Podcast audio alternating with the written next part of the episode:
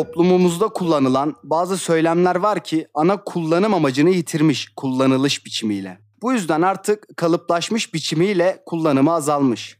Lakin kalıplaşan kullanımları dışında farklılaşıp hala günlük hayata dahil olabiliyorlar. Biliyorum biraz karmaşık oldu bu giriş. Bu yüzden üzerinde durmak istediğim bir söylemle bu konuyu açıklamaya çalışacağım. Aynı zamanda verdiğim örnekteki söylemi de biraz irdeleyeceğim. Mesela el alem ne der kalıbını duymuşsunuzdur mutlaka. El ve alem. Bu kullanılış biçimiyle kulağa biraz daha kısıtlayıcı ve bağnaz gelen bu söylem her birimizin günlük hayatında farklı kalıplara girerek hala etmen rol oynuyor gözlemlediğim kadarıyla. El alem veya konu komşu bölümlerini çıkaralım şimdi bu söylemden üzerinden ve boşluğu birileri şeklinde dolduralım. Birileri ne der? İnsanlar hakkında ne düşünür? Ya yaptığım iş beğenilmezse ve insanlar benim beceriksiz olduğumu düşünürse? Bu yaptığım hareket ya beni küçük düşürürse vesaire vesaire. Kullanımı değiştirsek de kökte kalan fikir aynı. Diğerlerinin onun hakkında ne düşünüp ne fikir yürüteceğini bilmeyen ve gelecek yorumlardan korktuğu için eylemlerini engelleyen birileri var. Başkalarının ne düşüneceği konusunda kaygıya düştüğü için kendinin ne düşündüğünü ve hissettiğini göz ardı eden çok fazla kişi yaşıyor. Baktığımız zaman insanların onun hakkında ne düşüneceğini fazla önemsediği için üretkenliği körelen çok fazla insan var. İçindeki cevheri göstermeden kaybolup giden çok fazla insan var. Modern çağla birlikte bu kaygının biraz daha azaldığını düşünüyor olabilirsiniz. Ben bu fikirde değilim.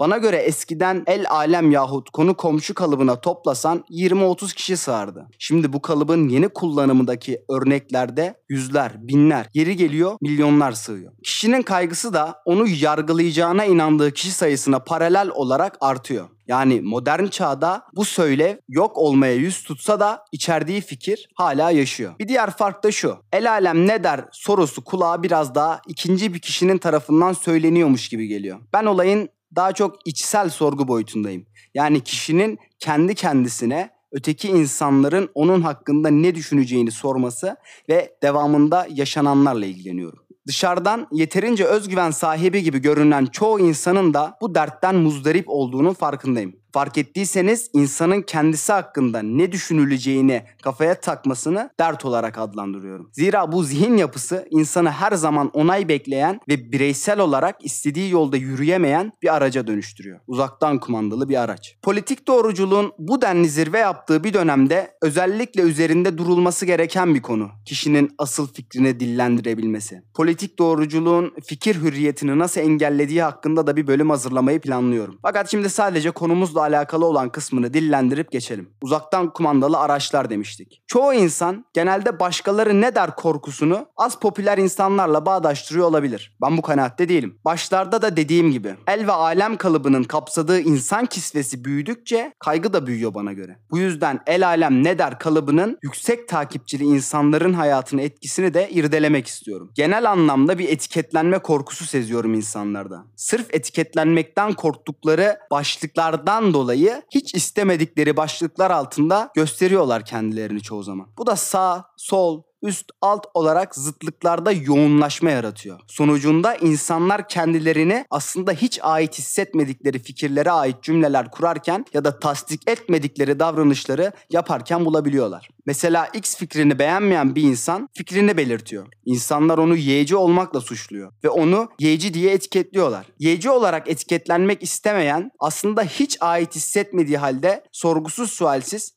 X fikrini destekliyor gibi gözüküyor ve sahte bir gerçeklikte yaşamaya başlıyor. Bu örneği Türkiye'nin siyasi hayatında çok fazla örnekle benzeştirebilirsiniz dikkatle incelerseniz. O da sizin göreviniz olsun. Bu arada sırf bir tarafa ait ve yakın gözükmemek için öbür tarafa sorgulamadan yönelen çok fazla tanıdığım insan oldu. Sadece siyasi olarak da değil, ideoloji ve inanç bakımından da bu yanılgıya kapılan dostlarımla yaptığım konuşmaların aklımda bıraktıkları temel sağladı bu farkındalığa. Sizlerin de hayatlarınızı bu açıdan bir gözden geçirmenizi öneririm. El alem ne der korkusunu ve konusunu buraya kadar yeterince açtığımız inancındayım. Şimdi asıl konuya gelelim. Ne yapmalıyız? Değişimleri yaratan şeyin farkındalıklar olduğunu fark ettim kendi hayatımda. Kazandığınız farkındalığın hayatınıza illaki bir değişim ve gelişim katacağına inanıyorum. Yani devam eden hayatınızda olaylara acaba yakın gözükmek istemediğim şeylerden uzaklaşma yolu tam tersini sorgulamadan kabul etmek ve sahte bir gerçeklikte yaşamak mıdır diye sormaya başladığınız zaman hayatınıza yansıyacaktır bir şeyler. Hayatınıza katacağınız bir diğer farkındalık da insanların ne söylediğinin gerçekte ne kadar anlamı var ve insanlar beni yorumlarken aslında hangi iç dünyayla hareket ediyorlar sorgusu olmalı. Çünkü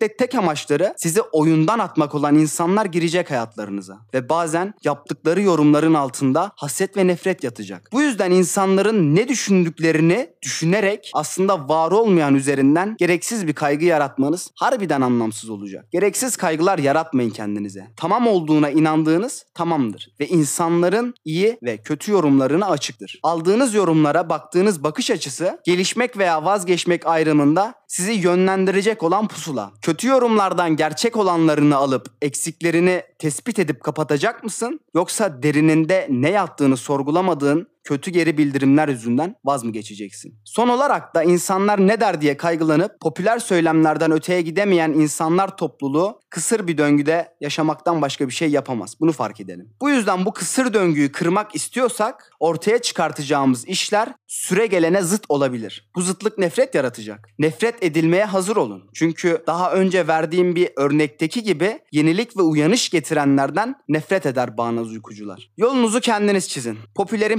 peşinden gitmek kolaydır fakat geriletir insanı. O yüzden gereksiz kaygı ve korkuları bir kenara atıp açın kafanızdakileri. Bölümün en başında toplumun kalıplaşmış bazı söylemleri olduğunu ve bu söylemlerin orijinal halinde olmasa da farklılaşmış halinde hala hayata etki ettiğini söylemiştik. El alem ne der sadece biriydi. Gerisini keşfetmek ve dayatılanı değişmiş haliyle fark edip sorgulamak yine bizlerin işi.